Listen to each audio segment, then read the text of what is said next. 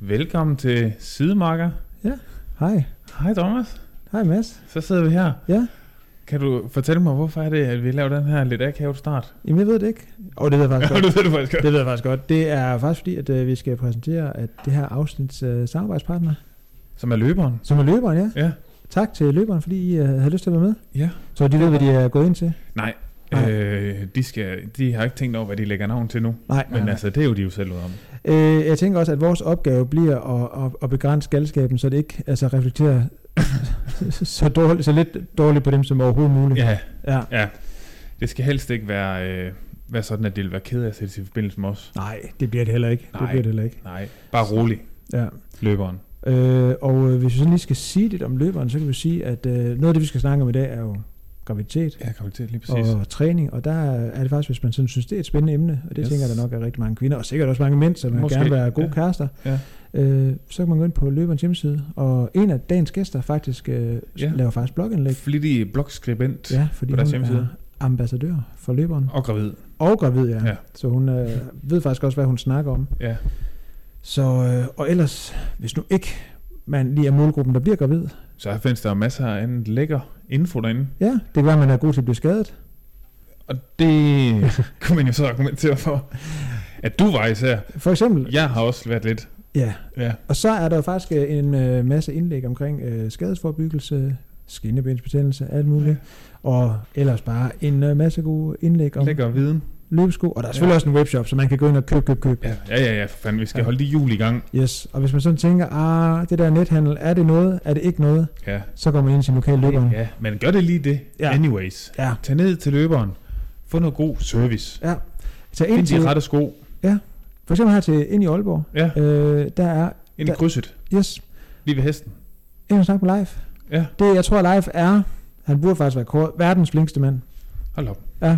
Øh, og, og det er jo, altså det er jo så, for der er mange flinke mennesker i verden. Ja. Øh, jeg tror, hvis der var en, sådan en, en afstemning, så vil han ville i hvert fald ryge top 3. Jeg kan ikke lige se, om der skulle være foran I ham. verden. Mm, yeah. Okay, sygt. Ja. Nå, Det er live altid klar til at hjælpe ja. med at finde øh, et par løbesko. Det er jo sådan en mand, man gerne vil købe løbsko af. Det, jamen, det er, han er god til at sælge dem. øh, og de har mange fede løbesko derinde. Ja. Så øh, er der mere, vi skal sige om løberen? Nej, ikke udover, øh, ja, find din lokale løberen og shop. Ja. Og øh, ja, gå ned i en butik, så du kan få noget øh, kvalificeret hjælp. Ja. I stedet for bare det der med at købe sådan noget Hongkong-pis. Ja, Øh, et eller andet øh, ukurant sted på Alibaba eller sådan noget. ja. eller klik øh, et par løbesko ind fra, fra den billigste tyske webshop. Det skal man ikke gøre. Nej. Øh, så gå ind på, at, altså jeg havde faktisk ikke løberen.dk, jeg havde faktisk loberen, l o b e r e n.dk, men det er jo, det, er altså det klassiske. Det må de lige få fikset. Ja, men man kan lige sige, et tips fra Ikke en, løberen, men dem, der laver internettet. Ja, men et tip fra en, der ikke staver godt. Bare altid brug Google. Bare google det, Ja, det er rigtigt. så kommer det. Ja.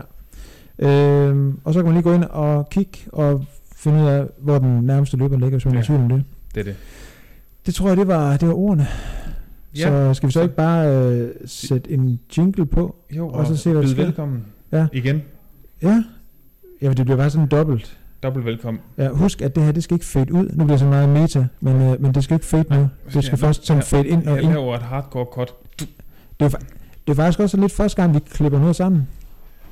Ja, Det, ja, det er det faktisk. det burde vi jo på en eller anden måde fejre, men det kan vi, Ja. det kan vi snakke om på et andet tidspunkt. Ja, det må vi... Jeg tænker, vi har spildt nok tid. Ja, Så skal, skal vi ikke bare sige Q intro og... Øh, 1, 2, 3. det er virkelig en god kæbe, hva'? Jamen, det er da godt, at I kunne lide den.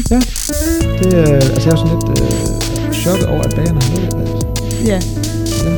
Ja, men øh, jeg tror, nede i købmanden kan du få sådan noget formfremsbrød i dag og sådan noget. Måske en øh, jumbo-snegl fra Bake Off. Jamen, det er ikke helt det samme som kage. Nej. Nej, nej, altså når det er kage, så vil jeg Ja. gerne kage. Ja, og der er et eller andet over noget hjemmebagt. Ja. Ja.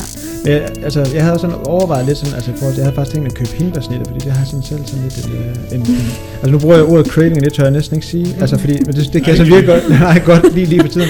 Men, øh, men så kan det også sådan, ja, jeg tænkte også sådan lidt, altså hvis det var, at vi sådan skulle have ind til sådan virkelig sådan have ramt sådan jeres craving i graviditeten, hvad var det så, vi skulle have? Øh, Uh, chokolade. Chokolade? Chokolade er altid godt. Mm. ja, altså jeg har faktisk fået andet for chokolade. Altså, jeg var helt vild med chokolade før, men så der, der er et eller andet, der bliver lidt for um, fed eller kvalmende for mig. Sådan. Ja, det, det ændrer sig helt vildt. Ja, det kan godt være, det kommer igen nu her. Ellers så øh, alt med appelsin. Altså, det synes jeg var kedeligt. Hvorfor er der ikke nogen af jer, der vil have syltet agurker eller sådan noget?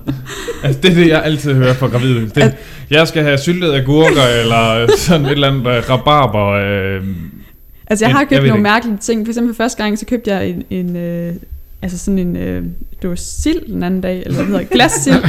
Nu nærmer vi os, nu nærmer vi os. Ja, altså, og det er sådan noget med, altså, så tager jeg en råbrød, og så skal der mega lidt på. Men jeg har aldrig spist sild før.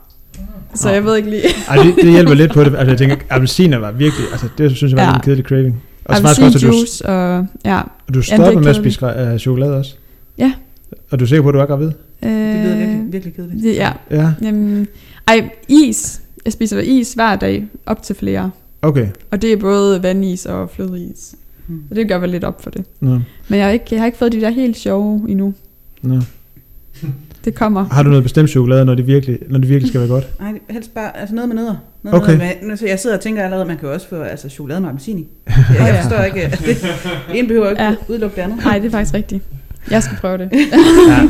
Det er også din første graviditet, tænker jeg, så du har også, du har også Ja, lidt tid til at, også sådan jeg- forfine det til de næste gange. Jeg tror også, det er fordi, jeg, sådan, jeg, jeg burde nok også bare have udnyttet det noget mere. Altså have sendt Tobias afsted nogle gange. Det, altså det har jeg heller ikke gjort endnu. Den, Ja. den skal jeg lige... Du skal huske at bruge trumfkortet. Ja, Baby vil gerne have. det er også din datter. ja, præcis. Vil du ikke have, at hun har det godt, eller hvad? Ja. ja. Så, øh, nå, jamen, øh, så, så appelsinjuice ja. og chokolade med nødder, så havde vi i virkeligheden ramt, ramt helt plet. Ja. ja. Ej, jeg synes, banankage var okay. Ja. ja. Det kan være, du gider hælde et glas vand op til mig. Ja. Så bare hold det væk fra mikrofonen, så man ikke kører sådan en sluk Det, lyd. det er faktisk også noget, det man Også fordi jeg sidder to gravide her, så det kan være, at de har rendt ud og tisser begge to, hvis de så ikke lytter for meget. Og så tror jeg lige, vi skruer en lille Det er altså også noget, det man bliver overrasket over, det var meget, man egentlig skal drikke. Og være Ja. tørstig. Man, altså jeg har virkelig været tørstig. På en helt anden måde, end jeg plejer. Ja. Lige fra dag et. Lige fra dag da. Ja. Så vent til, hvis du skal amme, Ja. ja, så kommer virkelig, Uff. Ja. så bliver det endnu værre. Så skal man huske at have vand i nærheden, når man sætter sig. Ja. Amme drikkedunken. Har jeg godt Yes. hørt om den. Er det der, man også begynder at tabe håret lidt? Ja. Ja, Men faktisk har det ikke så meget med amning at gøre. Det har mere noget hormonelt at gøre, at man Okay. smider knap så mange hår, når man er gravid. nå, Og så taber man rigtig mange af dem efterfølgende. okay. Jeg synes ellers, jeg begynder at have sådan noget... Kan I ikke se det her? Ja. Det er sådan noget... Hormonelt. Jeg tror, det er sådan knækket nogle steder. Ja. Hvad? Ja, I havde godt tænkt over det, da I kom. I Ja. tænkte bare, hvordan kan hun... Jamen, jeg- altså, Hvordan får, hvordan får vi bragt Jeg på banen, at det ser helt håbløst sådan ud? øh, sådan noget pandehår, eller hvad det her er for noget. Frisøren er åben igen. Ja, det har været ved Søren. Og hun sagde ikke noget? Nej, Nej, okay. hun kunne heller ikke få til at sige noget. nej. Jeg tænkte, det her det er håbløst. Ingen tør at sige noget. Ja. Ja. Pokker. Nå, jamen, øh, det kan egentlig være, at vi bare skulle, øh, skulle gå i gang med optage. Hvis I er klar. Ja. så trykker jeg på optag-knappen på min computer. Og så er jeg lige en tår vand også inden. Yes. Kan du huske? Nej, det skal vi ikke sige, hvad nummer etape der er. Vi siger bare, at det er en ny etape. Ja, det er det, vi bliver enige om. Ja. Velkommen til et øh, nyt afsnit af Sidemarker. Jeg hedder Thomas. Og jeg hedder Mads. Ja, og øh, i dag er det faktisk sådan, at jeg skal snakke lidt mere end dig. Ja. Øh, og det rammer egentlig meget godt ned i det, som mange egentlig har efterspurgt, nemlig at de har gerne har ville høre den ene af os lidt mere end den anden. Og desværre bliver det så mig, de kommer til at høre mere, fordi de faktisk har efterspurgt dig noget mere. Men sådan er det. Det bliver en ud af to, og vi kan ikke øh, sådan til gode se hvad som helst. Hvad hedder det? Og så har vi jo faktisk øh, to gæster med i dag, og det skyldes, at vi i dag skal snakke om øh, graviditet og om træning. Træning, Vi, vi har faktisk næsten fire gæster med. Fe- det er faktisk rigtigt. Nå, ja, okay. Jeg sidder og siger fem, fordi... Nej. Tobias er ikke hjemme endnu. Nej. Ja, det er faktisk rigtigt. Der er fire gæster med. Ja. Øh, den ene, det er dig, Sara. Ja. Øh, du har faktisk været med i vores podcast før. Ja. Og det var du så glad for, at øh, du simpelthen har valgt at blive gravid for at kunne være med igen i dag. Ja, ja det, er, det er så lige med snit til, at der Ja. kan blive interessant igen. lige Det få kan vi godt lide folk, der ligesom gør noget for det. Vil du øh, sådan lige kort præsentere dig selv? Ja, ja jamen, jeg hedder Sara, og jeg er 25 år gammel, og øhm, jeg er gravid nu i 30. uge, så jeg mangler lige 10. Det hedder tredje trimester, og sådan øh, slutspurten, selvom den er, er lidt lang, synes jeg jo allerede. Men den er lige gået ind i, den der slutspurt. Ja, den lange 10 ugers slutspurt. Ja, Jeg, kan- jeg kan lige blot mig selv med det samme. Hedder det et trimester? trimester. Nå. Der er nogle gange, hvor man ser, at kommer til at skrive Jeg, jeg, jeg tror, det semester. var sådan noget termin. Termin. Ja, vi har, Det er noget med hus. Altså, du, Ja, har, du okay, har jo der. termin på den dag, hvor du er 40 plus 0. Og det der, og når, når, det hedder, når det hedder plus 0, så betyder det jo så, at man er 40 fulde uger plus 0 dage henne. Det er så terminsdagen. Det er en ny verden, der venter Ja. på dig en dag. Så, Ja, men øh, ja, jeg er gravid, og øh, jeg er jo med sådan, fordi jeg stadig øh, løber en del, og øh, godt kan lide at dyrke den der aktive graviditet. Og jeg er selvfølgelig med som ekspert i min egen graviditet. Ja. Jeg ved ikke så meget om alt muligt andet, men øh, den er efterhånden Du behøver rimelig meget inde i. noget om andet i dag. Nej. Så bare du ved noget om det. Og det gør jeg. Det er godt. Og den anden, øh, det er dig, Rikke. Det er nemlig. Og jeg hedder Rikke og er medejer af Fitmar Målborg Ja. øh, og uddannet fysioterapeut, hvor vi kører forløb både for gravide og efterfødselsforløb. Så Og det være, at du lige kan sådan lige sige et par kort ord om, sådan, hvad, hvad fitmom er. Jamen Fitmom, det er... Øh, vi har en virksomhed, som egentlig gerne vil tilbyde alt til gravide. Øh, både når de tænker på at blive gravide, og under graviditeten, og så efter fødslen. Øh, og så vil vi gerne hjælpe folk med at stå stærkest i det sted, de nu står, om det er undervejs i graviditeten, eller når de gerne vil i gang igen efter fødslen. Og det kan både være i forhold til øh, at komme i gang med at træne igen, men også bare det der med at finde ud af, hvad må jeg egentlig? Hvad må jeg egentlig? Hvad kan jeg? Øh, Jeg vil gerne tabe de graviditetskilo, jeg havde taget på, eller jeg har svært ved at finde ud af at knibe i bækkenbunden, eller hvad det nu måtte være. Og så hun kommer ind ved jer. Hun Ja, jeg går jo faktisk på Rikkes hold. Ja. Hver tirsdag sådan et øh, fødselsforberedende hold, hvor vi har både teori og træner sammen. Ja, Er hun en dygtig elev? hun gør, hvad hun kan. Hun gør, gør- hvad hun kan. Jeg gør alle, jeg Men det synes jeg, det er, det, er meget, det er meget det, der sådan kendetegner sig også, når hun løber. Hun gør, hvad hun Jeg kan. kan- jeg altså, Hun er Ja. heller ikke den bedste løber måske, men hun gør, hvad hun Jeg, kan. jeg Ja. kommer med Ja. alt, jeg har, og alt, der er mig, og Ja. så, så Ja. er det det. Det er det vigtigste. Ja. Det er det vigtigste. Så, og øh, det fitmom, det ligger i Aalborg. Det ligger i Aalborg. Ja. Lige nu har vi kontor inde på Lyngvej, Ja. øh, 9000, hvor vi er inde i Toris Gym, hvor vi leger os ind. Så nemt at komme til og nemt at parkere, og det har været vigtigt for os at vælge et sted, hvor man selvfølgelig kunne have barnvogne til at stå udenfor, så når, når man kommer med baby, så er det nemt lige at have oh, den ja. lille med. Så står de line op på ræde række derude. Så står Ja. de, yes. Ja. Så, øh, så hvis man øh, er gravid øh, og gerne vil fortsætte med at træne og have en masse gode tips og være sammen med Ja. en masse andre gravide, så er det bare at komme ind til jer. Yes, eller i gang med at træne, eller i Ja. tvivl om, hvordan skal man træne, når man øh, bliver gravid, eller hvad nu. Så kan man Perfekt. også Mm. komme Og, ind for yes. Og snakke med andre gravide. Ja, Ja. ja. Det har Også- også været vigtigt her, især coronamæssigt, Ja. der hvor alt andet har været lukket ned. Rigtig mange af de gravide mangler nogen i samme båd. Så bare det der med at have nogen at snakke med, som, Mm. og du også gravid, og hvad har du gjort, og hvordan har det været for dig? Og, Mm. ja. Findes Ja. det andre steder end i Aalborg? øh, det tænker jeg, der gør, men... Øh, Ikke under jer? Hvad siger du? Ikke som del af, af jer? Ikke som os, nej. Nej. nej. Så hvis man er gravid og, og, og gerne vil have alt det her, og ikke bor i Aalborg, så skal man flytte til Aalborg. Ja, ellers Men må man køre. man Ja, Så må man køre. men hvorfor skulle man ikke flytte til Aalborg? Altså? Ja, præcis. Ja. Ja. Bare, bare kom til Aalborg. Ja. Bare kom til Aalborg. Ja. Ja. Også ellers så kan man jo... Vi har også en masse online, så altså der er jo masser af ting der også. Perfekt. Ja. Jamen, øh, jeg tænker, at vi øh, stille og roligt går i gang. Det, vi egentlig skal snakke om i dag, det er jo faktisk øh, det at være gravid Mm. og træne. Og øh, jeg tænker, på et eller andet tidspunkt, øh, så står man og tisser på sådan en uh, graviditetstest og finder ud af, at man er gravid. og øh, så tænker Eller jeg... 10. Eller 10. Det er sjældent kun én. Det er aldrig. ikke, ikke 10 på én gang, vel? Ej, sådan i løbet af dagen. Okay, Og så næste dag igen. okay. Altså, jeg tror, jeg købte... Jeg, ja, da jeg købte den første, dengang, at øh, da vi, eller da vi, ja, jeg siger jo vi, fordi det var jo os, der sammen klarede det hele. altså dengang vi så havde taget den første, der var positiv, så var jeg faktisk kun ude og købe seks forskellige. Jeg gik så sådan lidt rundt, fordi jeg sådan tænkte, at købe lidt på apoteket og lidt i Matas, for jeg tænkte sådan lige at sprede det lidt ud, så man fik et bredt udvalg af det. Og de viste alle sammen det samme. Men så finder man ud af, at øh, man er gravid, og udover at der selvfølgelig er en helt ny verden, der åbner, så, så er det de spørgsmål, der måske også melder sig, hvis man sådan er vant til at være aktiv, og som du så for eksempel løbetræner og sådan noget. Mm. Hvad så nu? Ja. Ja. Altså, hvad var din første tanke så?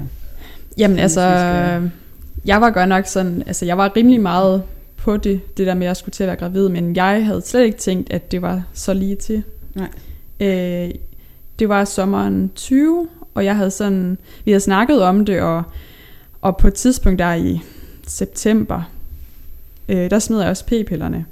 Øh, og jeg tager et kilo på, og tænker nu, altså det er sådan, det vil være godt for mig i forhold til den her graviditet. Men, øhm, men jeg tænkte, at det kommer i hvert fald til at tage de her gennemsnitlige 8 måneder, eller hvad den man plejer at sige, og, og på grund af min fortid, hvor jeg har øh, haft anoreksi og sådan, at der, jeg har haft rigtig mange problemer med min øh, cyklus, og har faktisk Mm. mm. øh, ikke rigtig haft den i mange år. Også efter jeg, jeg stoppede på p-piller nu her, så det var også sådan, jeg kunne, jeg kunne ikke finde ud af, hvad der var hvad, og Nej. hvornår noget var noget. Så jeg bestilte også en masse øh, ægløsningstest hjem, og, og prøvede som var lidt frem, men jeg vidste også bare, at det var, det var nok bedst også bare at se tiden an. Men så skete det jo faktisk bare i første forsøg. Ja. Sådan set. og der var, jeg, altså, der var jeg faktisk midt i den her maraton-træning. Jeg skulle til at, at træne op imod øh, et maraton her i foråret, og, og lå jeg og trænede rigtig meget. Jeg havde selvfølgelig en sundere krop, end jeg har haft i mange år, øh, vejede lidt mere også, men, men jeg trænede virkelig meget. Øh, også alt muligt andet end løb. Så øh, altså, min første tanke var det helt sikkert, øh, det skal jeg jo have lavet lidt om på jeg skal i hvert fald ikke til at, jeg skal, jeg skal ikke fortsætte med mål om det her sub 3 maraton og Nej. hård træning og lange, lange ture og sådan noget.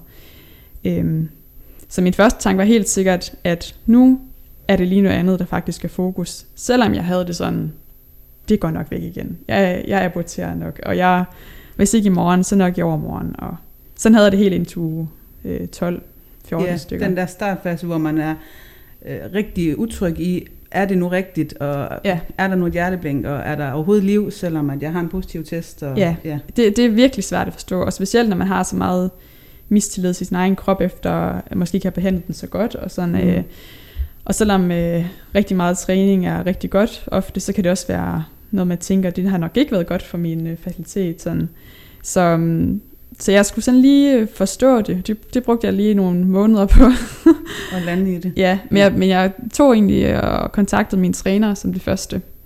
Og han var egentlig øh, lige over Tobias selvfølgelig den første, fik det at vide, fordi jeg var sådan, det, vi bliver nødt til at lave om i noget. Jeg skal jo ikke øh, køre på de her hårde træningsplaner. Nej.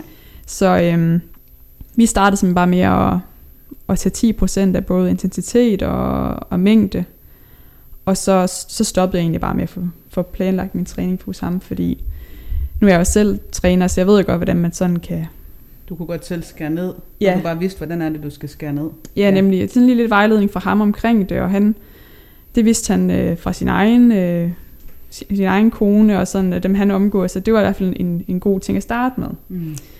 Og det er jo sådan lidt mærkeligt, for man går jo, man kan jo ikke mærke noget som helst. Nej. Og kroppen er jo heller ikke forandret endnu, og... Øh, Udover at der selvfølgelig er begyndt at være nogle, nogle tegn med altså meget ømme bryster og sådan nogle ting, men, men lige pludselig reagerer ja, på. Ja, der kan også være noget træthed og noget kvalme og noget ja. forskelligt der i Helt starten, sikkert, også? Ja. ja. Men sådan selve kroppen og det her, man tænker sådan, at altså, man kan jo ikke mærke noget, i, eller mange kan ikke mærke noget. Så, øh, så det var sådan lige starten for mig. Der er jo 4-5 stykker. Ja. Og man kan sige, altså det er jo meget forskelligt det der med, hvor man er hen også, om man er vant til at være fysisk aktiv, eller om man er inaktiv. Men man kan sagtens fortsætte med at være fysisk aktiv, mm. og så bare, man skal selvfølgelig ikke træne op til et maraton. Men som du har gjort, det også skære ned. Og hvis man er vant til ikke at være fysisk aktiv, så kan man også sagtens med fordel starte med at være fysisk aktiv. Det er der faktisk rigtig mange, der har rigtig god gavn af. Ja. Øhm, det er så. jo det sundeste for både mor og baby. Ja, så det er jo øh, dem, der kan, og det kan langt de fleste jo. Ja, og så kan man sige, at der kan godt være noget i forhold til at, øh, hvad skal man sige, den her kvalme og træthed, der kan være i det første trimester, hvor mm. at man bare er ja, helt ødelagt og ja. ikke kan holde til det på den måde. Men så kan man stadigvæk være aktiv på mange andre måder. Man, altså, aktivitet behøver jo ikke at være træning. Aktivitet Nej. kan også være at gå en tur, mm. eller øh, cykle, eller hvad det nu måtte være. Mm. Helt almindelig hverdagsaktivitet. Er det sådan generelt en, en, en vigtig ting, det her med sådan at måske få et, et mere, sådan, jeg ved ikke, det mere sådan perspektiveret blik på, på træning, øh, når man bliver gravid. At, at der er, kan være flere forskellige muligheder, fordi typisk øh, kan jeg så tænke mig, at noget af det, som du, du snakker om, så var, at mm. du sådan så dig selv som, som løber, ikke? Altså, og, ja. og var ved at gerne med at træne op til et maraton. Nogle øh, cykler, måske nogle øh, laver crossfit, ja. øh, hvad det nu måtte være. Altså, ja. øh, men at man, man sådan skal måske begynde, eller sådan forsøge at kigge lidt bredere på mulighederne for at kan bevæge sig, og at bevægelse kan være mange ting, aktivitet kan være mange ting. Mm. Præcis, og så synes jeg, det der med, altså den forskel, jeg tit oplever, når folk kommer ind til os, det er, hvis man er vant til at træne meget som sejr, at man det der med, hvor meget må jeg egentlig træne, og hvor hårdt må jeg blive ved med at træne, plus at dem, der kommer ind, som måske ikke er vant til at være fysisk aktiv, og godt ved, at det er bedst for mig og min baby, hvis jeg bevæger mig lidt, men hvad må jeg, jeg er ikke vant til at lave noget. Det her med at finde, øh, hvad skal man sige, både øh, og få hjulpet Sara til at få skruet ned, men fortsætte med at være, for hun må gerne fortsætte med at være fysisk aktiv. Og hjælpe dem, der ikke er vant til at være fysisk aktiv, med at forstå, at fysisk aktivitet er ikke træning. Mm. Det er at være fysisk aktiv. Det handler om at få pulsen op, øh, sådan at man stadigvæk kan samtale, men man bliver let forpustet, mens man gør det. Og det kan man jo sagtens, altså gå en tur med en veninde. Ja. Rask trav. Ja, det er ja, for, det, for det så jeg lige tænkt, at det er den ene ting. Nu snakker du selv om, at du faktisk skruede din træning ned, fordi du, du lå i... Øh, sådan relativt tung maratontræning. Ja, Men ja. hvis man kommer ind til, til, til, til jer, og det kan også være, du siger lidt om, sådan, hvor tidligt i, i sådan i graviditetsforløbet, sådan, at kvinderne sådan typisk kommer ind til jer, men hvis nu man netop ikke er vant til sådan at have aktivitet som, som en naturlig del af sin hverdag, hvad er det så, I sådan kan, kan hjælpe med i forhold til det? Altså tit så det vi hjælper med, det er at få bygget op sådan, at man, hvad er det, hvor må jeg starte henne? For jeg er faktisk, nu er jeg bange for at gå i gang, fordi hvad nu hvis jeg starter for hårdt, og det er så lige pludselig, at jeg mister barnet, eller et eller andet, mm. som du siger, man tror ikke rigtigt på det, før man i hvert fald har været til den der 12 ugers, og kan jeg så overhovedet starte på noget, og hvad nu hvis det så er min skyld, der sker et eller andet? Øh, hvor vi får en snak om det her med, at du må gerne gå i gang, fordi det er faktisk rigtig sundt for både dig og din baby, at du bevæger dig og er fysisk aktiv. Øh, og så er det lidt forskelligt, hvornår folk, de fleste kommer et sted mellem uge 10-12 stykker og uge 20. Øh, man siger, man er i hvert fald en 4-6 uger, inden man ved, at man er gravid. Øh, og så går der tit lige lidt ekstra tid, inden man har været ved lægen og fået det bekræftet og blevet Mm. scannet og så videre og set, at der er et hjerteblink. Men, men dem, der kommer tidligt ind til os, er tit nogen, der allerede der har gener. Øh, så er man begyndt at have et ømt bækken eller et eller andet. Og så starter vi selvfølgelig med at håndtere det. Hvordan er det så, vi kan forebygge, at det bliver værre undervejs i graviditeten? Øh, hvad er det, du egentlig kan holde til? Sådan at man ikke tror, at man skal ud af, men jeg kan ikke løbe 5 km for at få, nej, men så finder vi ud af, hvad kan du så? Ja. Ja. Ikke også? Og at fysisk aktivitet er mange ting. Ja. Ja. Og det er ikke ens med, at nu, nu skal man ud og for eksempel, som du siger, løbe 5 km. For hvis ikke man er vant til at løbe, så er, er 5 km eller 3 km i sig selv Altså, enormt langt pludselig, jeg skal til at løbe. Præcis, altså bare det at skulle til at løbe, Mm. kan måske for nogen Ja. tænkes, altså, altså, jeg har, altså måske har man ikke løbet, siden man øh, du ved, skulle løbe i folkeskolen, og skulle Ja. på de der skide idrætsture, hvor man helst ville gemme sig bag et træ, ikke også? Hvorfor skulle man så begynde at løbe nu? Og løb, det er jo bare en, en, altså en vægtbærende motionsform, hvor den der tyngde, der kommer, og man, man tager jo på for hver uge, der går i en Præcis. graviditet, det er i hvert fald det, man helst skal. Så det kommer man jo til at kunne mærke, og øh, meget mere i beløb, end hvis man cykler, eller Ja. laver et eller andet, der ikke er på samme måde belastende. Jamen, går en tur og tager i svømmehallen, Mm. øh, spiller fodbold med sine børn, altså du ved, danser fjollet i stuen, det kan jo være alt muligt. Det handler om Ja. at få pulsen op, blive lidt forpustet i forhold til den fysiske aktivitet. Så kan man godt lægge det mere over i træning, og så skal man så, som du siger, også mærke efter, i takt med, at man tager på det her med, hvordan er tyngdefornemmelsen, kan jeg blive ved med at holde til det, den vægtøgning er jeg ikke vant til, fordi jeg plejer at veje det samme, mens jeg træner mm. og sådan noget. Så det der med at få det hele tilpasset, og man bliver simpelthen sådan i tvivl. Jeg vil sidde også og tænke, at noget af det, altså, og nu kan jeg selvfølgelig sige allerede nu, og det kommer til at, at, at, at, at skinne igennem mange gange, at, at hverken jeg eller Mads har en specielt stor viden om det at være gravid, øh, af helt naturlige årsager, så derfor er vores uvidenhed også enormt stor.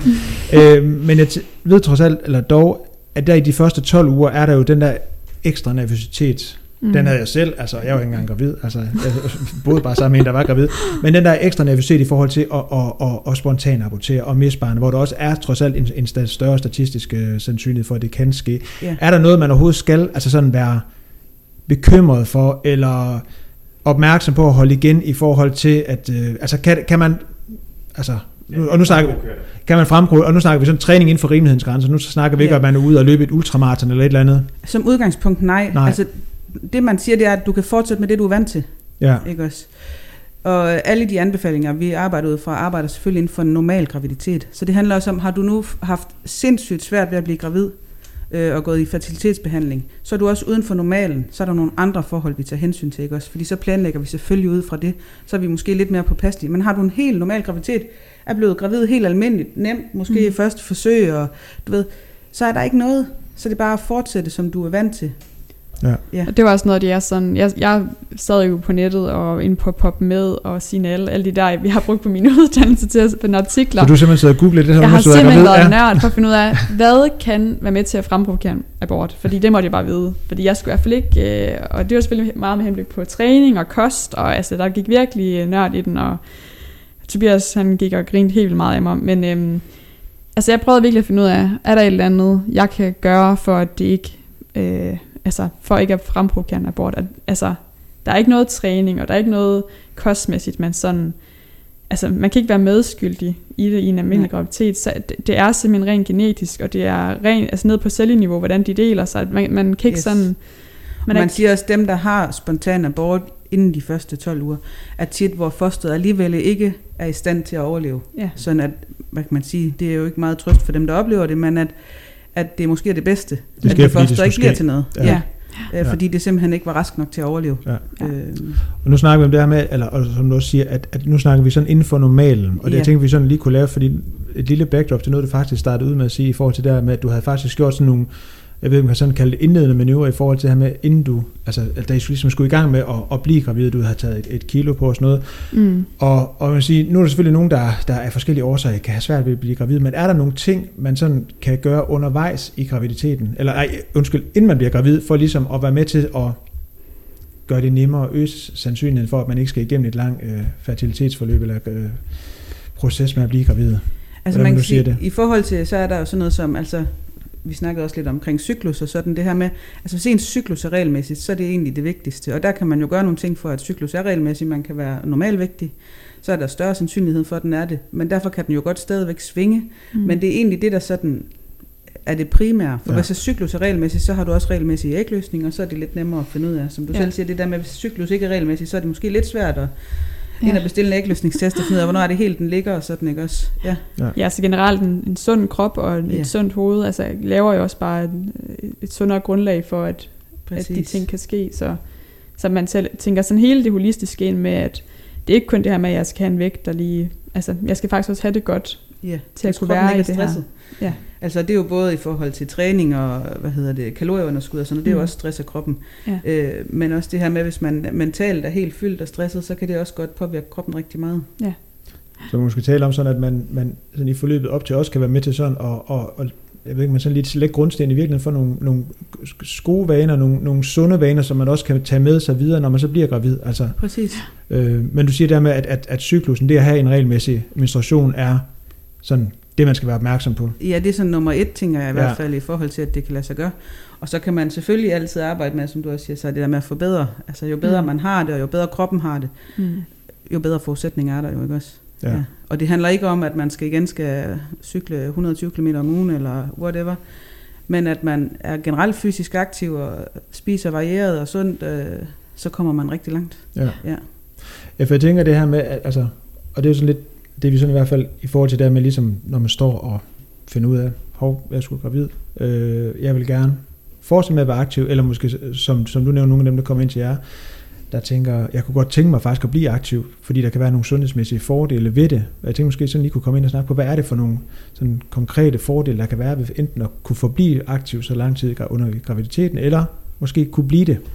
Altså sådan helt generelt, så er det jo ligesom ved alle mennesker, der ikke er gravide, bare bedre for os at være fysisk aktive. Det er godt for hele vores krop og vores sind. Mm.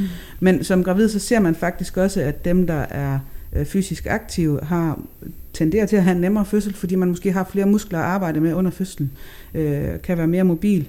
Øh, så føder de også tit, børnene er stadigvæk normalvægtige, dem de får, men de ligger faktisk i den lavere ende af normalvægten, så det er ikke fordi, de er undervægtige, men inden for normalvægten, men lavere end folk, der ikke er fysisk aktive. Øh, og så kan man også som regel hurtigere komme i gang med at bevæge sig igen, hvis man har været fysisk aktiv undervejs. Ja. Og det er der jo rigtig mange mødre, der gerne vil i gang med at træne eller bevæge sig igen bagefter. Og det kan kroppen som regel hurtigere, hvis man har holdt sig lidt i gang undervejs. Ja. Ja. Jeg sige, så hvis jeg lige skal skyde den over til dig, jeg kan sige, nu er det jo ikke, fordi du sådan har erfaringer sådan i forhold til andet end at have været gravid i 30 uger.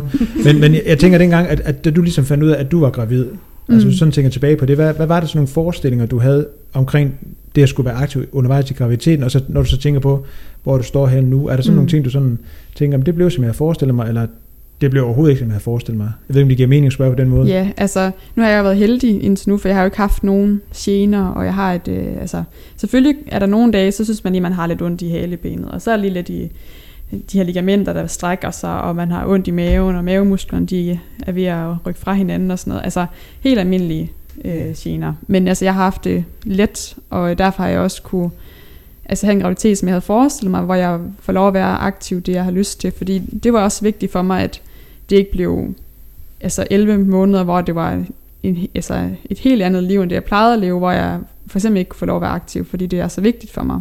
Altså for mit generelle velbefindende. Du mener 9 eller Hvad? 9 måneder, ikke? Hvad sagde jeg? 11? 11? Oh, Altså, jeg nej, ved- nej, tak. Jeg ved ikke, hvad I har aftalt dig og Tobias, men Ej, jeg tror også bare lige, at jeg tager 9. ja, godt. Max 9. Ej, Nå, ja, Ja. selvfølgelig 9. øhm, så, så jeg havde en forestilling om, jeg kunne få lov til at fortsætte på den måde, fordi det, det ville være det bedste for mig, sådan rent psykisk og fysisk, men også for barnet, fordi det, det ved jeg jo, at det, det er jo bare det sundeste for barnet, hvis jeg også er aktiv. Øhm, men selvfølgelig så, øh, så, så skal man jo reagere på nogle ting, altså som man mærker i kroppen, og der var nogle dage, hvor, hvor jeg godt kan mærke, at jeg skal ikke løbe 15 km i dag, jeg skal, jeg skal løbe øh, 10. Altså ja. sådan, det, det, det er det bedste, fordi jeg altså, er blevet meget dårlig til at restituere, altså man er, man er øm øh, på en helt anden måde. Så, så sådan nogle, sådan nogle øh, ting oplever man jo først, når man er i det. Og den forskning, jeg havde som graviditet, det er nok meget lige det, jeg oplever nu. Men det er, det er også fordi, jeg er heldig, fordi det kunne sagtens være anderledes. Der er jo nogen, der har mange gener. Ja. Altså nu har vi jo faktisk løbet et par gange her undervejs i din graviditet. Havde du forestillet dig dengang, at uh, du, du blev gravid, at du ville skulle holde så usandsynligt mange pauser undervejs på din løbetur, som uh. tilfældet er? Og nu tror jeg endda, jeg har været heldig, for der holdt du kun tre pauser den ene gang. Du har været 5 km, eller? ja. Altså jeg vil sige, det er godt, jeg flyttede herud lige uden for Aalborg, så jeg ligesom kan få lov at løbe ud på landet, hvor jeg kan sætte mig og tisse i en hver busk. Ja. Ej, altså jeg tror nok, jeg er sådan på rekorden er nok på 10 km, jeg har altså, jeg er blevet nødt til at sætte mig ned for at tisse tre gange. Ja. Og det synes jeg, det er meget. Og det er bare sådan noget, man...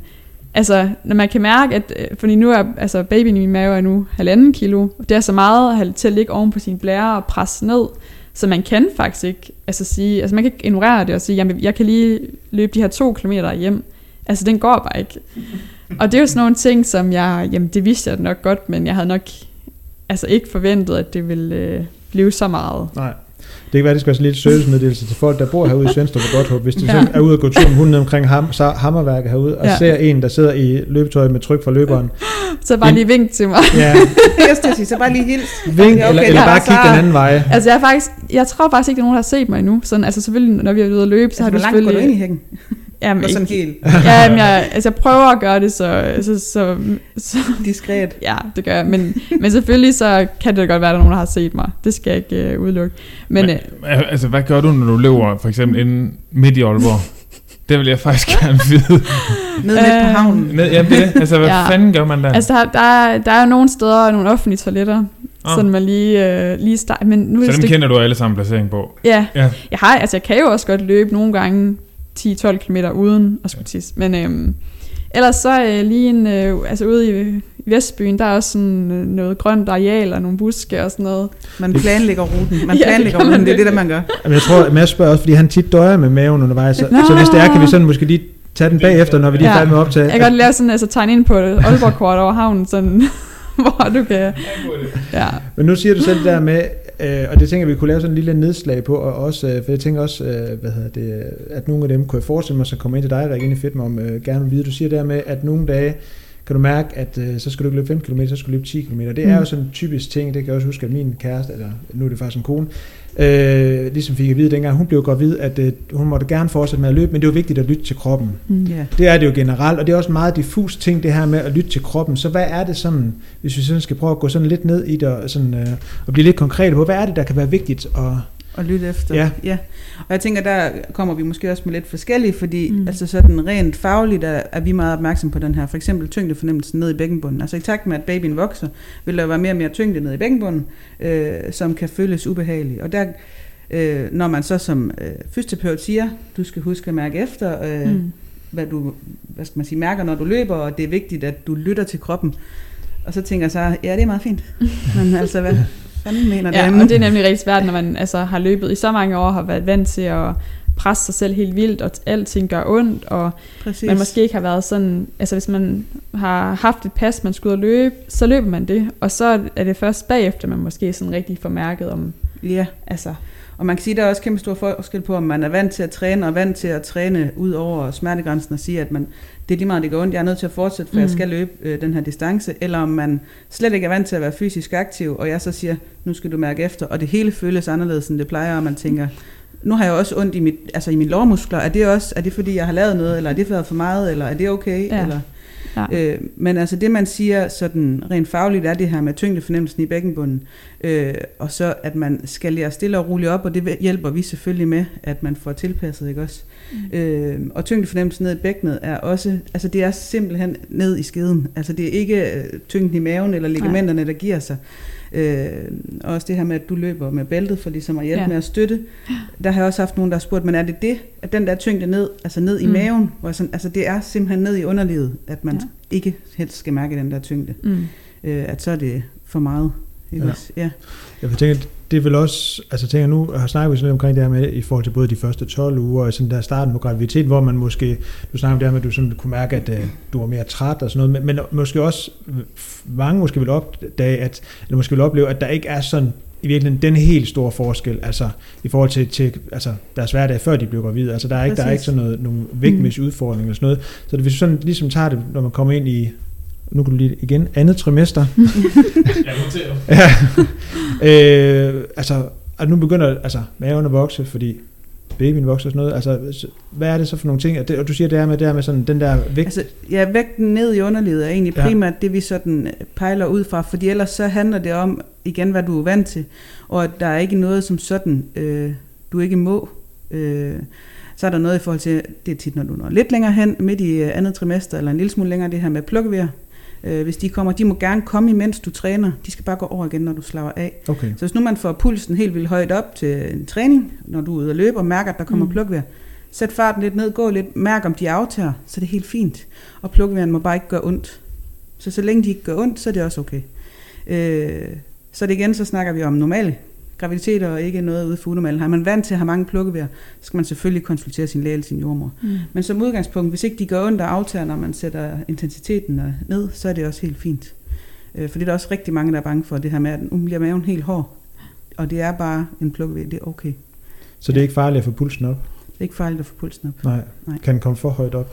Den kan godt komme for højt op, og så Ja. snakker vi igen de her med, altså nu er vi i yder, ikke også? Ja. Og hvad man er vant til, fordi Sara kan måske også holde til at få pulsen højere op, end jeg kan, øh, fordi hun er vant til at lave mere konditionstræning, end jeg er. Øh, så, så det vil også igen være individuelt. Øh, Mm. og oftest vil jeg tænke, at hvis jeg står med en, der er meget øh, fysisk inaktiv inden graviditeten, så vil jeg heller ikke presse lige så hårdt på, som jeg vil ture med Sara.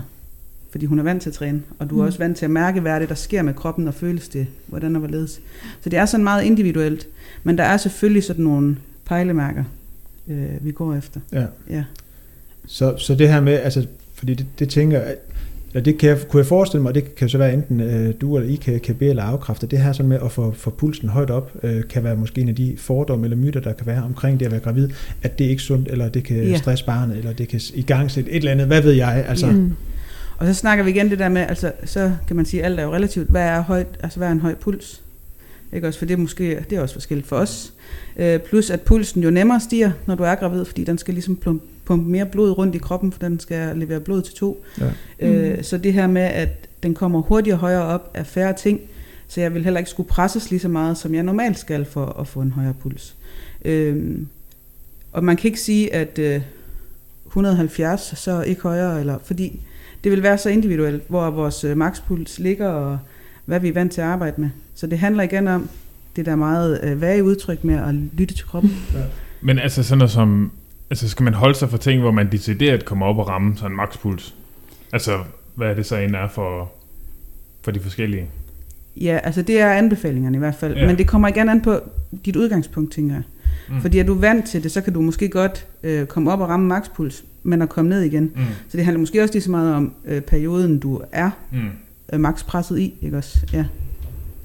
Nu vil vi snakke sådan lidt omkring, fordi det er jo også lidt det udgangspunkt, du har så øh, i, forhold til løb og sådan noget, men øh, der er også nogen, som enten cykler, der er også nogen, som, som Mm. styrketræner og sådan noget. Øh, og omkring det, for eksempel det her med, og, og det ved jeg, det gør du jo faktisk også, styrketræner. Øh, Mm. så det her med sådan at løfte vægte, øh, er i det hele taget også noget, som jeg har enormt lidt erfaring med. Det, og der er det jo godt, at der ikke er billede på, så man kan se, hvor tynd arm jeg har.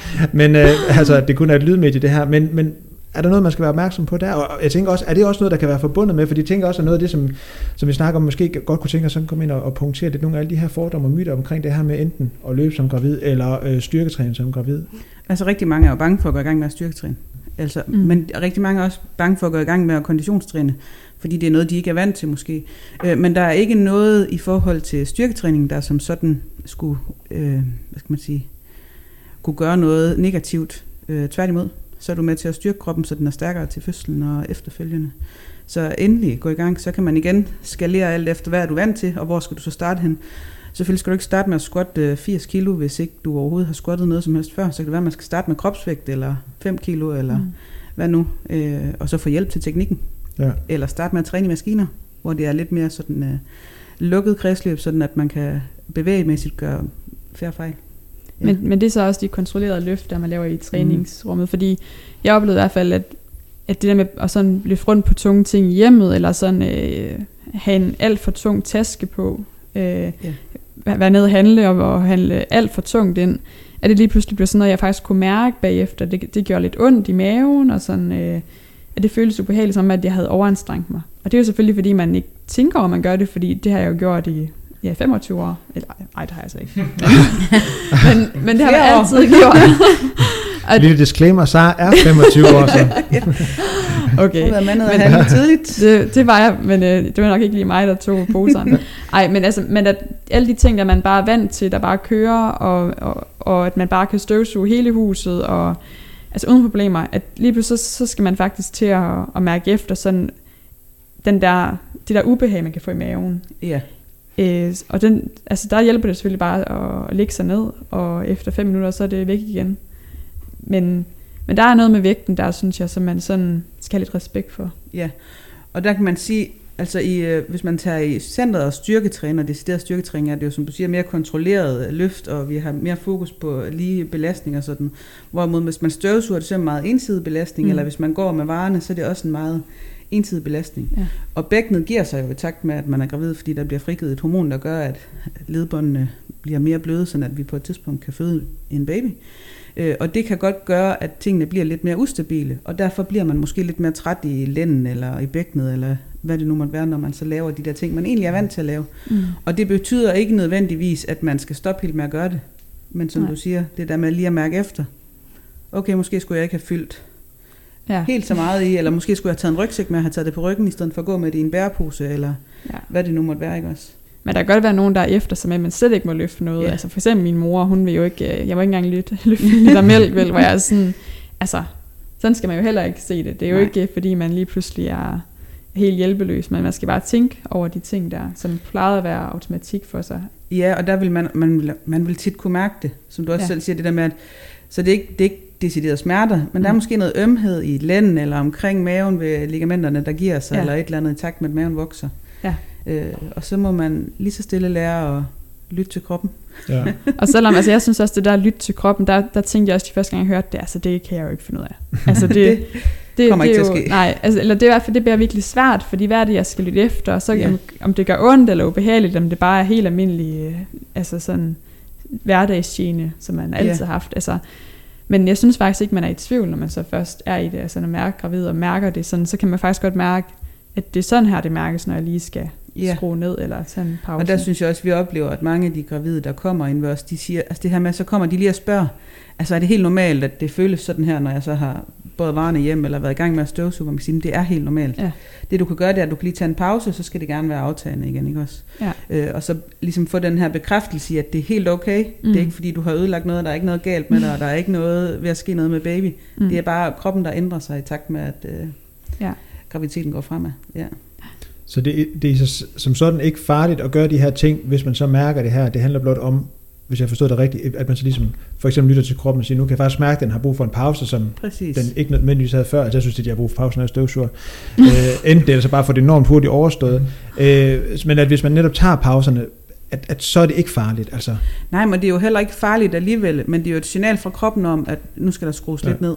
Og jeg tænker, når det bruger ud farligt, var det også en lidt ting, og hvis du nu ser bort fra møder, for jeg tænker, der i den forbindelse er møder nok en lidt særlig kategori, men det der med, og nu snakker vi lidt omkring det her fordom, øh, der kan være omkring det. Er det sådan en af de der fordomme, at der er nogen, der gerne sådan vil, vil sige, det er farligt for eksempel at, at løfte for tung, og du sagde det der med, at man i princippet ikke kan løfte for tung, men inden det, fordi jeg kan gå for eksempel nemt løfte for tung, for jeg kan ikke løfte noget som helst. Men hvis man er vant til det, og, og ligesom tager udgangspunkt i, i det niveau, man har, inden man blev gravid for eksempel, ja. at, at, så er der ikke noget farligt i at, at løfte tung for eksempel, eller Nej. løbe relativt langt. Og man kan sige, at det der er at løfte tungt for mig, er måske også noget helt andet for Sara, mm. øh, hvor jeg antager, at jeg kan løfte væsentligt mere end Sara, fordi det er det, jeg er vant til, og Sara er vant til at løbe.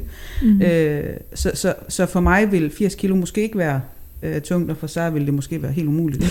så, nu antager Jeg igen, men, men, øh, men at der er så stor forskel, det handler simpelthen om, om udgangspunktet også, ikke også? Så det er derfor, det er så svært at give sådan en helt generelt, at Mm. mm. så må man få pulsen op hertil, og man må løfte hertil, og man må... Fordi det er så individuelt, og det kommer an på det niveau, man havde inden. Ja. Plus at man kan sige, har man så også været, nu har du været heldig og sluppet Mm. mm. rimelig nemt igennem graviditeten og har kunne fortsætte, men har man nu været øh, mega dårlig i 4-5 måneder, så er man jo også nødt til at starte et andet sted, fordi så kan man ikke starte der, hvor man var på dag 1 i sin graviditet, vel? Mm. Så skal den også tilpasses. Men det, snak, det snakker vel også meget godt for altså et koncept som jeres. Altså få noget, noget hjælp og noget, noget sparring af nogen, der ligesom er professionelle, Ja, og som ikke har sådan lidt skin in the game. Fordi altså, det, når man sådan er følelsesmæssigt involveret, så er det måske nemt for en mor at sige, nej, nej, nej, du må ikke løfte noget som helst. Og sådan. Men hvis det er sådan Mm. nogen udefra, så bliver det lidt mere sådan konstruktivt. Ja, det bliver både mere konstruktivt, men det bliver også mere, altså den her med at blive bekræftet i, at det er okay, Ja. ja.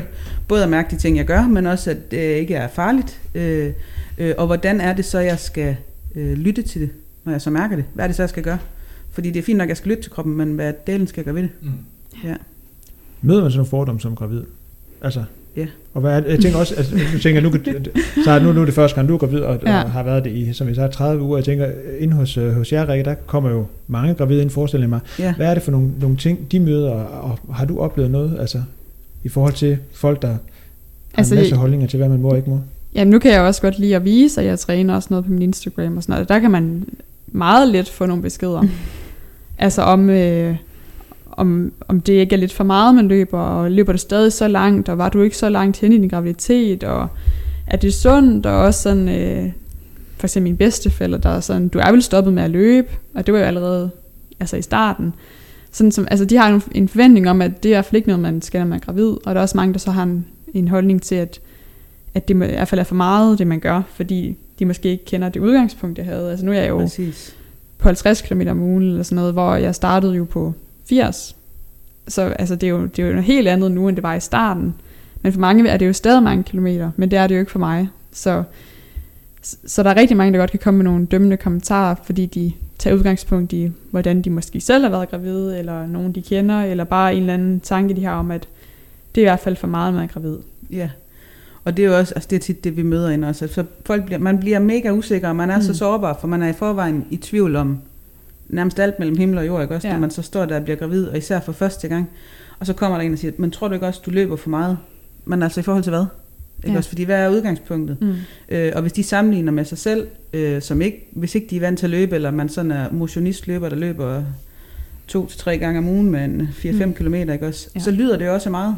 Ja. Men i forhold til, hvis du er vant til, du har jo faktisk skåret relativt meget ned, Mm. ikke også? I forhold til, hvor du er nu i din graviditet. Så, så Ja. Det er igen det her med, at de sociale medier kan være svære at få sådan et helt reelt billede af, hvor de mm. er hen. Øh, men det gør jo om ikke andet, at man bliver endnu mere usikker på, hvor man er hen i sin graviditet. Ja. Og det kan vi i hvert fald mærke os, det der med, at der kommer nogle fordomme øh, fra andre end den gravide selv, Mm. øh, om hvad må man og hvad må man ikke. Øh, og de bliver mega usikre. Ja, men jeg er jo bare så bange for at gøre noget forkert, ja. og være, være medskyldig i et eller andet. Altså, Ja, hvad nu hvis der sker et eller andet? Ja. ja. Hvad så end det kunne være. Men Ja. øh, ja helt sikkert. Så, så kan man godt møde rigtig mange af dem på sin vej. Kan I mærke sådan, når de kommer ind til jer, Rikke, at, at de sådan, altså, nu snakker vi om det her med, at der kan, være, der kan komme mange fordomme fra, fra andre end gravide, for jeg tænker måske for, for den gravide selv handler det om, om en usikkerhed. Du siger det også selv, at, at der er rigelige ting, der er stort set alt, man kan være usikker på i løbet af de 9 Ja. måneder, man er gravid, eller 11 måneder for dit vedkommende, så. Nej.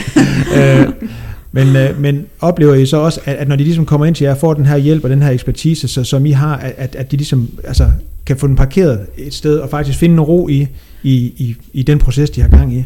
Det synes jeg, og jeg synes det der med både, at der er noget faglighed ved os, der gør, at de sådan finder ro, og at vi har mange gravide igennem, og at de møder andre gravide, hvor de kan også høre, øh, at du træner også stadigvæk. Det kan godt være, det er noget andet træning, men okay, det er helt i orden, eller du har faktisk også halsbrand, eller hvad det måtte være. Måske Mm. er det bare en helt almindelig følge, at nogen har, når de bliver gravide, og det har ikke noget at gøre med, at jeg træner meget, eller at, at jeg støvsugede, eller gjorde hele huset rent en dag, eller whatever.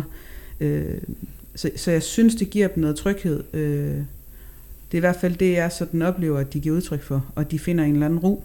Øh, og så kan man sige, langt de fleste går jo også inden ved os i minimum 8 uger. Så, så det her med at følge dem i de otte uger og mærke, at de bliver mere og mere rolige, de tør mere og mere i træningen, øh, de øh, får et stærkere bånd til hinanden og til flere gravide og, og høre, hvor forskelligt det er, og hvad, hvad skal man sige, hvad en normal graviditet egentlig spænder over, for det spænder ret bredt. Ja. Ja, Mm. det kan også give en ro. Er det også den oplevelse, du har haft? Øh, Ja, helt sikkert. Altså også det med at komme ind, og så nu er det specielt efter corona-tiden, hvor man ikke har været afsted på samme måde øh, i træningscenter. Så det der med at komme ind og faktisk blive presset helt vildt, det oplevede jeg for nogle af de første gange, at, at jeg synes faktisk, det var rigtig hårdt. Altså, Ja. Og jeg, jeg tænkte sådan, at jeg er jo nok, altså jeg er jo nok rimelig godt stillet, for jeg er i hvert fald stadig rigtig aktiv og sådan noget, det bliver nok ikke super hårdt. Men det blev det jo, og jeg synes, det var, det var vildt sjovt, at, at, altså, at, øh, at det faktisk var sådan noget træning, man, man laver, når man er gravid. Ja. Fordi jeg havde jo havde der tænkt, det var, det var de øvelser, men der, der er sådan et tempo på, at man altså, også gejler hinanden op og får, får, får sved på panden sammen. Altså det, det er en virkelig god oplevelse, at, at man ligesom får afledt den der med, at man som gravid øh, skal passe på og være, altså, og slet ikke køre i det tempo. Det, og for, for ingen på holdet har det jo betydet, at, at der har været nogle komplikationer, der sådan er Nej. kommet til på grund af det. Alle de, øh, de er jo bare med på det. Ja, præcis. Og så selvom vi har nogle gravide, der også oplever for eksempel at have mange plukkeværer eller andre gener, så tilpasser vi jo bare sådan, at vi er ekstra opmærksom på, at den ene Mm. person, nu skal du huske, at lige nøjagtigt i den her øvelse, skal du være lidt mere opmærksom på de og de ting mm. øh, i forhold til dig. Øh, og så kan de sagtens køre med os. Altså, så, så jeg synes virkelig, og det der med at se, tror jeg også gør noget, at de andre gravide øh, også sveder og er forpustet, og man kan også godt have en forestilling om, når Sara kommer, at og hun er garanteret i meget bedre form end mig og sådan noget, men at se, at Sara bliver også helt rød i hovedet og sveder og puster og lyder som om det er hårdt, Ja. at, at det er helt okay. Ja. Øh, ja. Og så er det bare vildt fedt at være sammen med så mange andre gravide, hvor vi kan, også kan grine af hinanden og at snakke sammen om, om, så ses vi jo også på efterfødselsforløbet, og altså sådan Ja. ja. nogle ting, så det bliver sådan lidt et lille, altså en lille familie, man får dernede. Så rigtig mange af dem, der kommer, især på efterfødselsforløbet, betegner det lidt som sådan en mødergruppe. Jamen, At, det, øh, det kan jeg sagtens ja, forstå. at de finder sådan en øh, 4-5 andre stykker, som de bare kommer rigtig godt ud af det med, og har træning til fælles med, og man mm. Ses to gange om ugen, og, øh, så de bliver bare ja, Ja. rigtig gode venner og kommer til at hænge rigtig godt sammen. ja. Og har mulighed for måske at kunne trække på det netværk eller f- træne videre, Præcis. både når de kommer ned til her efter fødslen, men måske også sådan ud over... Efterfølgende også. Ja. Mm. Men det kan være sådan lige så kort, også sådan lige for, for at sælge det, så godt som overhovedet muligt. Altså nu så snakker vi om de her forskellige øvelser, så bare lige kort lige kunne sætte nogle ord på, hvad er det for noget, noget træning, øh, I, I kører dernede? Altså det er, det er lidt forskelligt, men som udgangspunkt så er er der stor fokus på, at vi varmer selvfølgelig, altså vi starter med undervisningsdelen, hvor vi altid snakker om et eller andet emne, øh, og det fylder alt mellem øh, 30 og 60 minutter, tit mere på 60 end 30, fordi jeg har det med at snakke. Sådan, øh, det, det kommer jeg til. Det kommer til at fylde lidt, men øh, Det gør ikke noget. så tager vi bare lige øh, kører lidt længere tid, end vi... ja, så end, øh, tager vi lige lidt over tid. Ja, Men så, det, så varmer vi op, og der er opvarmningen næsten altid et fokus på selvfølgelig at komme hele kroppen igennem, men jeg har rigtig stort fokus på bevægelser, der også ligesom uh, sørger for at spænde bækkenbunden ud og uh, lave mobilitet omkring bækkenet og få baby godt ned i bækkenet, fordi det er ligesom det, vi ved, det er den vej, den skal, når den skal fødes. Så jo bedre forhold der er der, jo bedre mulig fødsel er der. Øh, og så øh, kører vi noget træning, hvor det er noget styrke og en- lidt cardio blandet. Det minder nok meget om noget cirkeltræning eller lidt crossfit eller sådan, de øvelser. Og så øh, har alle deltagerne fået guidning i at knibe og slappe af i bækkenbunden inden øh, og styre deres vejrtrækning. Og så er det egentlig det, der for den enkelte bestemmer tempoet. Det er det her med, okay, men kan du holde din vejrtrækning, og kan du mærke, at du kniber, og kan du mærke, at du slipper dit knib? Fordi kan du det, så er det det, der styrer øh, intens- intensiteten i træningen. mm. Øh, og så er det jo alt fra squat med vægt og ja, rows og pulsen op på en cykel og ja, dødløft og lunges, lunges. alt muligt. Alle mulige variationer af forskellige ting. Ja, Ja, ja, allerede der kan jeg mærke, at jeg bliver sindssygt udfordret. Jeg ingen gravid. det kan være, at vi har inviteret dem med. Ja, I skulle ikke prøve med på sådan et, øh, sammen med alle de gravide. Jeg tror ikke, jeg kan det. Og lige den dag, der er jeg Nej, sådan så også. Så, og, og, og, og nu siger du selv det der med, at, at, at der, det på en eller anden måde, hører jeg lidt tager udgangspunkt i den enkelte, så det er også der med, at, at man i virkeligheden godt kan komme selvom man, man egentlig ikke har været vant til måske at være sådan super aktiv, før man blev gravid. Altså, Ja, præcis. Ja. Altså en af dem, der går på holdet lige nu, øh, spørger mig hver gang, altså skal det her føles sådan her? For jeg har, jeg har aldrig trænet, siger hun. Og jeg, jeg ved ikke, er det min bækkenbund, jeg mærker? Er det min lår? Er det, altså jeg ved det ikke. Det, jeg, min krop er træt. Ikke også? Så det her med at få det tilpasset, både til hende, men også sådan, at Sara, eller den, der er vant til at komme i styrkecenteret, bliver udfordret alle sammen. Øh, og igen det her med, de får nogle guidelines, der gør, hvad er det, du plukkevejerne, tyngdeflemsen i bækkenbunden, og så vejrtrækningen og knib og afspænding i bækkenbunden. Det er det, der styrer det. Øh, og så længe at du kan styre de ting, så kan du køre så hårdt på, som du vil, forudsat at du har energi til at styre det. ja, Ja. det lyder spændende. Det lyder hårdt. Og, ja, det lyder faktisk kort. Jeg ved faktisk ikke, hvor spændende jeg synes, det lyder. Det gør det sikkert, hvis man er gravid, men jeg, allerede, jeg er helt forpustet bare at høre det. Jeg tænker måske, at vi sådan lige hopper lidt videre til, til noget af det, der ofte også sådan er ja, faktisk tæt forbundet med, med både graviditet, men også med træning, og det er sådan en lille ting, der faktisk i virkeligheden er ret stor, nemlig kosten. Mm. Øhm, og jeg tænker, det kan være, du kan lægge ud, Sarah, sådan i forhold til, sådan, hvordan du sådan har, har oplevet det. Øh, nu snakker du om det allerede der, men du faktisk har taget et kilo på, inden at øh, du Mm. blev gravid. Øhm, Altså det var sådan med henblik på min, på min cyklus selvfølgelig. Ja. Altså sådan at, øh, det var bare en tanke jeg selv fik, at det tror jeg ville være rigtig sundt for min krop. Og, og det tror jeg også øh, var med til, at jeg så hurtigt blev gravid. Øhm, men energibalancen er jo bare alfa og omega, og man, man skal jo fra dag et også øh, bruge mere energi i kroppen på at få det her lille bitte foster til at, at vokse større og større. Og selvom barnet skal jo nok tage energien, altså man skal ikke være bange for at spise for lidt, så barnet ikke vokser, for så går det bare ud over sig selv. Altså, mm. barnet skal nok tage det, det skal bruge. Men, øh, men for mig er det i hvert fald rigtig vigtigt at fokusere på, altså, at, at få nok, men også altså, at holde et sted, hvor jeg så kan, kan blive med at være aktiv, og selvfølgelig ikke øh, tage for meget på, fordi det behøver man jo heller ikke. nej. Men selvfølgelig skal man tage på. Man skal tage på øh, løbende gennem øh, alle ni måneder. Og det sidste kan man godt stå og synes, at man har taget rigtig meget på, men, men når så barnet er født, og alt det, der følger med. Ja, og der er jo en grund til, at man anbefaler, at man tager på. Mm. Mm. Øh, altså i forhold til, at både barnet vejer noget, der kommer noget øh, ekstra blod, der kommer noget, hvad hedder det, fedtdepoter i forhold til, at kroppen bygger op, i forhold til at kunne amme. Øh, der er Mm. noget fostervæske, der er, altså der er alt muligt, der vejer noget. Så det giver ja. God mening, at ja. Man tager på. Så det skal man heller ikke være nervøs for, men for nogen kan det også være rigtig grænseoverskridende, det her med faktisk ja. at tage på. Og det, altså, og det var det da helt sikkert for mig. Altså, fordi jeg har jo været meget fokuseret på min vægt i rigtig mange år. Så det der med øh, at skulle tage på, og lige pludselig skulle øh, ramme 60 kilo, altså sådan nogle ting, hvor jeg tænkte, nej, nej, det går jo helt galt det her. Men altså, det skal jeg jo, og så, altså, der, der må man bare tænke på barnet. Og det er lidt lettere sagt end gjort måske, men, men, men det er, altså det er jo en del af det, man tager på, og det, der skal selvfølgelig mere, mere mad til. Øh, det kan godt være rigtig svært i starten, og rigtig mange taber sig jo faktisk også i første trimester, de første 12 uger, hvor mange har kvalme, altså, øh, og, og det kan være rigtig hårdt, men man skal stadig ikke være bekymret for, om, barnet får nok. Men øh, så vidt muligt skal man jo sørge for at få spist, og spist ekstra. Mange flere små måltider Ja. lige pludselig. Og det, altså lige nu, der, der kan jeg, jeg kan virkelig ikke spise så meget af gangen, og det bliver nok kun værre for nu. Altså, er mindre og mindre plads. Ja, ja. Jamen, det er som om, at øh, min mave er sikker på størrelse med en valnød nogle gange. Altså man sidder og øh, tænker, det kan... Jeg sagde til Tobias i går, det er som om jeg har fået sådan en øh, gastric bypass operation, så, han, så har den da i hvert fald ikke virket. Ej, okay. Ej, men det er som om, at mavesækken bare lige pludselig... ja, Den er tak for det. helt ind. Ja. Øhm, det er jo sådan, min foran, man skal tabe, så han synes i hvert fald ikke, at det var den vej, det gik. Men, Dejlig øh, støtte. Dejlig støtte, du har tak, tak for det. Ej, men- men, sådan, øh, så der er det vigtigt, at man får spist oftere. Og så Ja. er det jo selvfølgelig de her lidt mere energi til det ting, man skal tænke, men øh, der er også bare nogle gange, bare så skal spise det, man øh, kan få ned.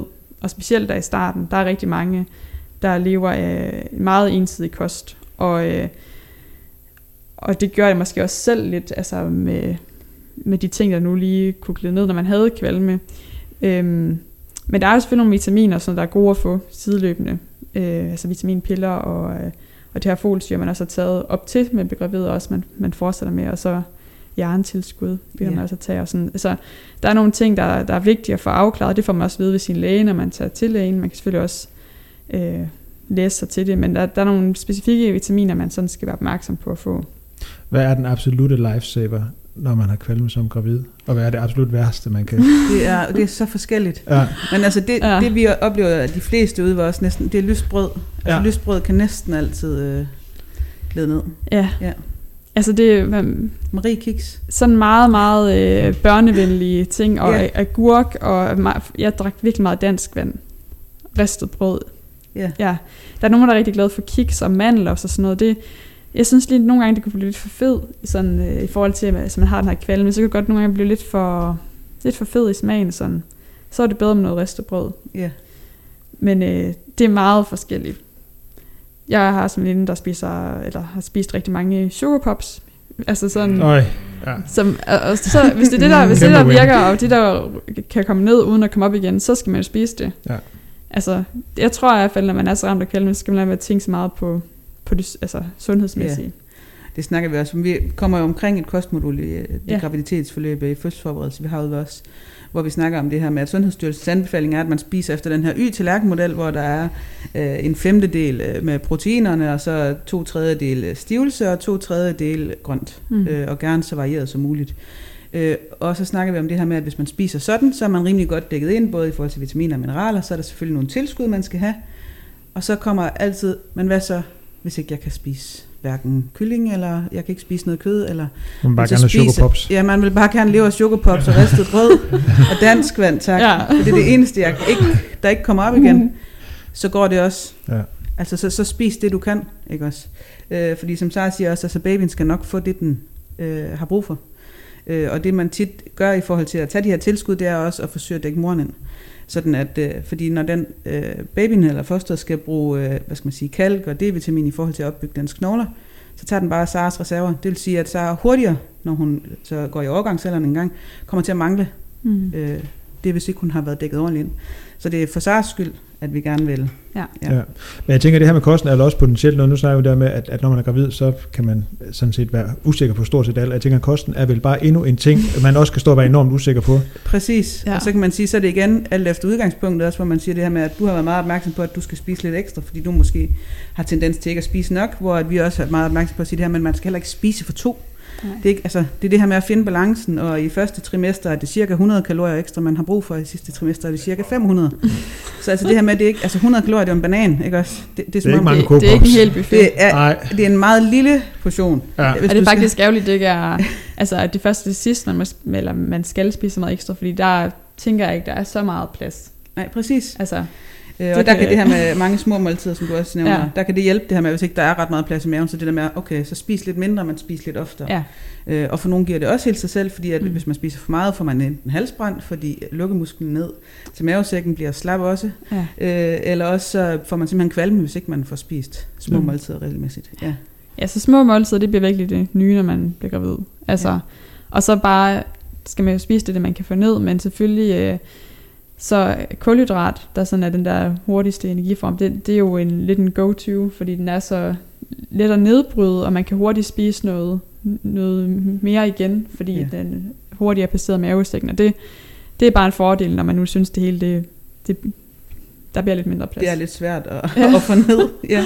Ja. Så ja, men jeg tænker også, at kosten bliver jo også altså ekstra vigtig. Den er jo vigtig i, i sig selv, med, og nu snakker vi om det her, vi snakker om det her med sådan at, at lytte til kroppen, og det der med, igen i forhold til kosten, at så skal man sørge for at spise nok, men det kan igen også være et vidt begreb, og det kan også være i forhold til, hvor var man hen før graviditeten, øh, var man øh, normalvægtig, var man eventuelt øh, en smule overvægtig og sådan noget.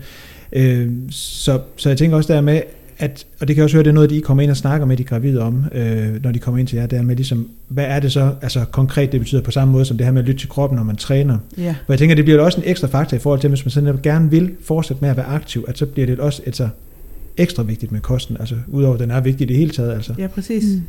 Altså, og det er, det, det er virkelig et emne, som du selv siger, at, at man er i forvejen i tvivl om tusind andre ting, og nu er jeg lige pludselig også i tvivl om kosten. Altså, hvad må jeg spise, og hvad må jeg ikke spise? Og så er der nogle ting, jeg ikke må spise, og Mm. så er der nogle ting, jeg skal spise, og får jeg husket at tage det der kosttilskud.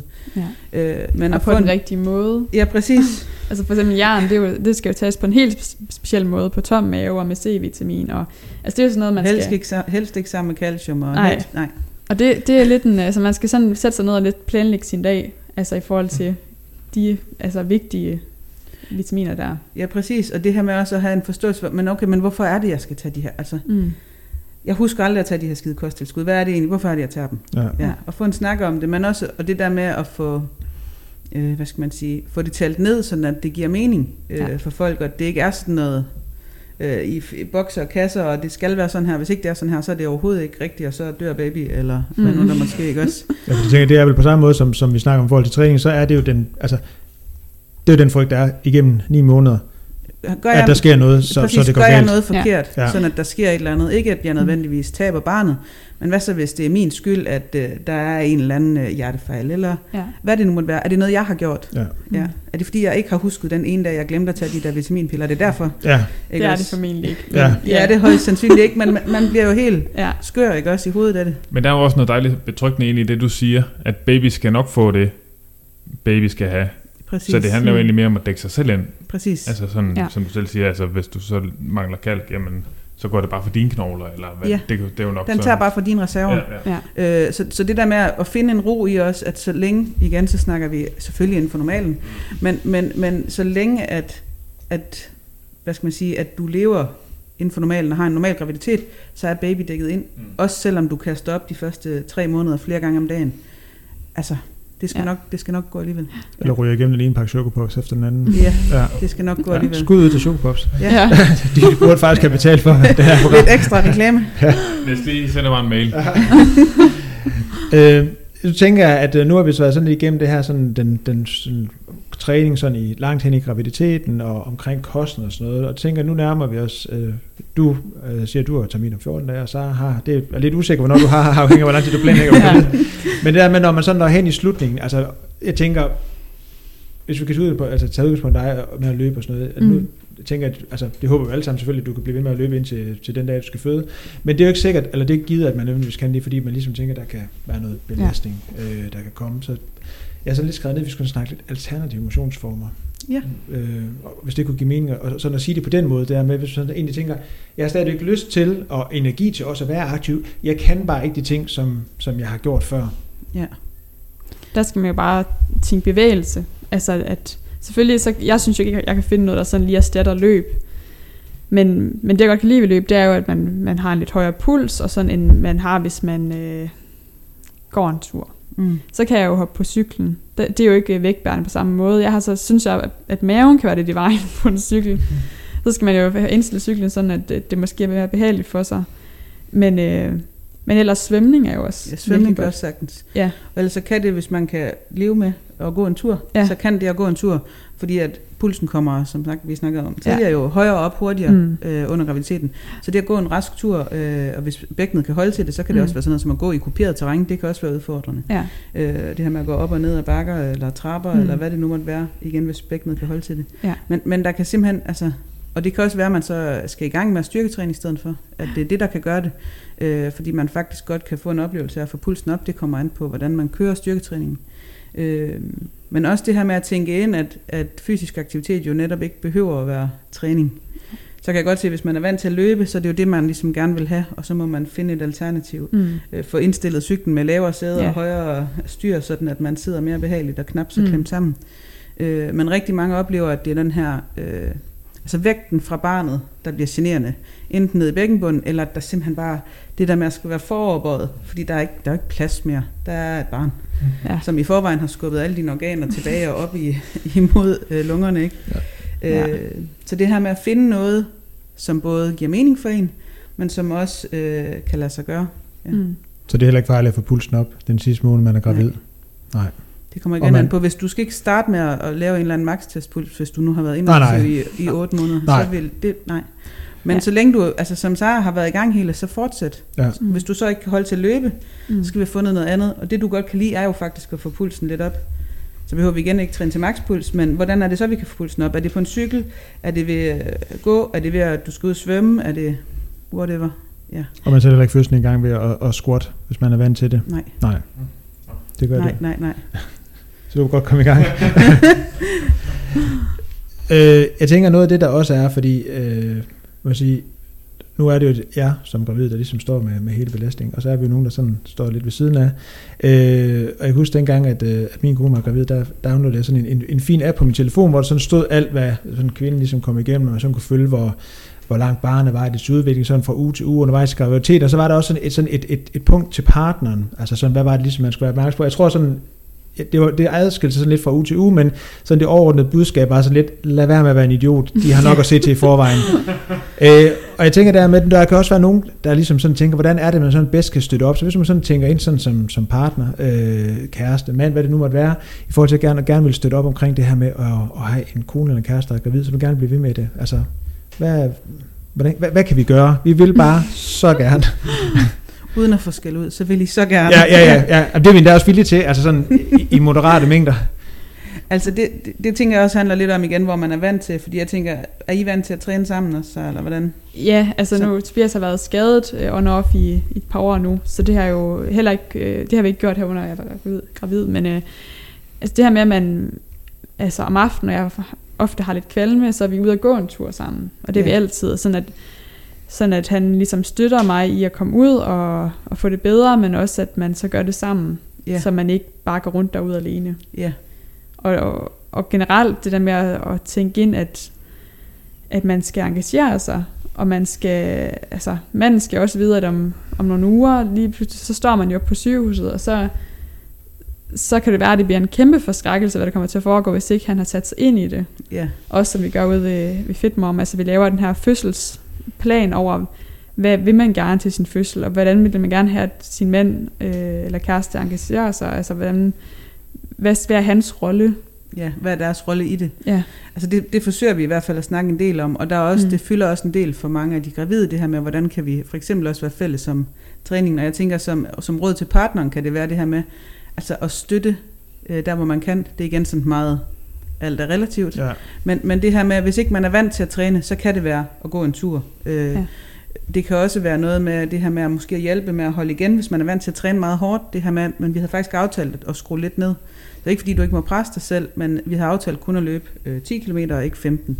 Øh, så det her med at få støttet i de ting, mm. hvor, hvor det giver mening, øh, sådan at man både stadigvæk får bevæget sig, fordi det kan være mega hårdt også, hvis man så har kvalme i de der første tre måneder, overhovedet at skulle overskue, Mm. og skal ud og gå den der skide aftentur ja. og Ja. jeg gider ikke, og men nu havde jeg aftalt med dig, at Ja. så tag skældudene og sige, skal vi ikke lige prøve, så nøjes vi bare med at gå to Ja. kilometer. Vi går bare lige en enkelt runde, eller hvad nu? ja. Ja, Og man skal bare ikke undervurdere, hvor meget det betyder, at der, er- altså, at der er nogen, der hæpper på sig. Og yeah. selv for en som mig, som synes, at det bedste og nemmeste i verden jo næsten er at løbe en tur. Ikke så meget lige nu, men i hvert fald førhen. Så er det stadig var virkelig rart at få noget, øh, få noget ros, når man har, har været ude at løbe. Så nej, ej, hvor er det fedt, du kan løbe så langt, og var du også op ad den bakke, og ja, hold det op, og du er jo øh, 30, og altså, og der er det jo bare bedst, når det kommer fra sin partner, fordi det, Ja. det giver bare noget ekstra. det giver bare noget ekstra. Og der, øh, der er jeg fald meget heldig med Tobias, med at han, øh, han er i hvert fald god til at, at rose mig for det, jeg gør, selvom at mange måske synes, det er for meget, men det er det jo ikke for mig, fordi han, han kender jo mig, og hvad, og hvad du er vant til at lave. Ja. Ja. Så, så det der med at være, være den der motiverende støtte fra sidelinjen, men også at deltage i det, man kan, og er der noget fødselsforberedelse, man kan gå til sammen og sådan noget, så, altså, så gør det altså ikke noget, at øh, man er to. Fordi det er lidt et fælles projekt jo. Ja, og om ikke andet, så bliver det det i hvert fald på et tidspunkt, kan man sige. Ja. så, så hvis ikke det skal komme som en overraskelse, så kan det være meget rart at have været, Ja. ja. været fælles om det. Ja. Ja, Så der kan godt være sådan nogle sundhedsmæssige fordele for hele familien ved, at man også som, som partner sådan støtter op omkring det her med at kunne være så aktiv, som det nu er muligt Mm. undervejs i graviditeten. ja, præcis. Ja.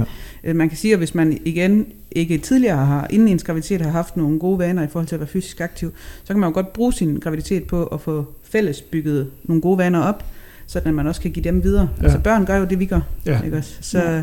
hvis de ser, at vi er vant til at gå en tur, eller at vi cykler en tur, eller løber ud i haven og spiller fodbold, så vil de også godt være med. Så gør de jo også det. Ja.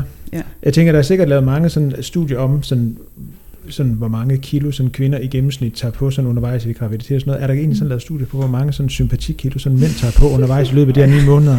Altså jeg tror, jeg læste, uden sådan at ville hænge helt op på det, så tror jeg, det var sidste år eller forrige år, jeg læste en artikel om, at de fleste mænd, første gang de bliver fædre, tager 8 kilo på. Ja. Det Det tror jeg faktisk er ret godt for mit Men vedkommende. jeg, jeg skal sige, har vi en, vi kan sådan tage Ej, udgangspunkt jeg vil godt, der vil godt melde mig allerede se.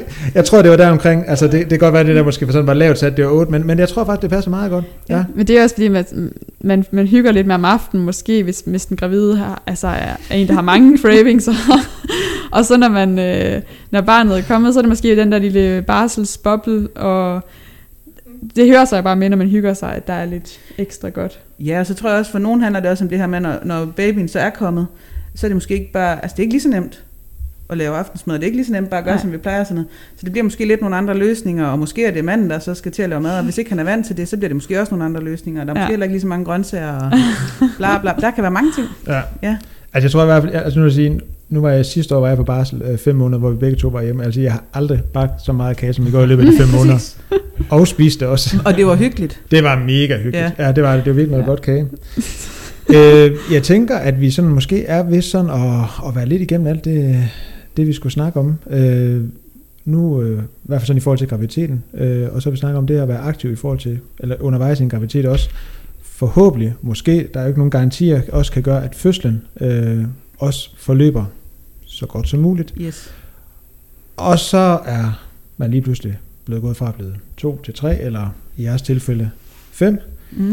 øh, og så står man på den anden side og tænker, hvornår kan jeg komme i gang igen? Ja. Ja, Det er også det er et af de spørgsmål, vi får oftest Ja, af de det kunne jeg nybagte forestille mig. mødre. Hvornår man starter. ja, Øh, Og man har jo en helt generel anbefaling i Danmark, der hedder de her 8 uger efter fødslen, og det handler lige så meget om, at der har man været inde ved lægen og er blevet tjekket, om kan du knibe og alt som det skal være, og har du det godt.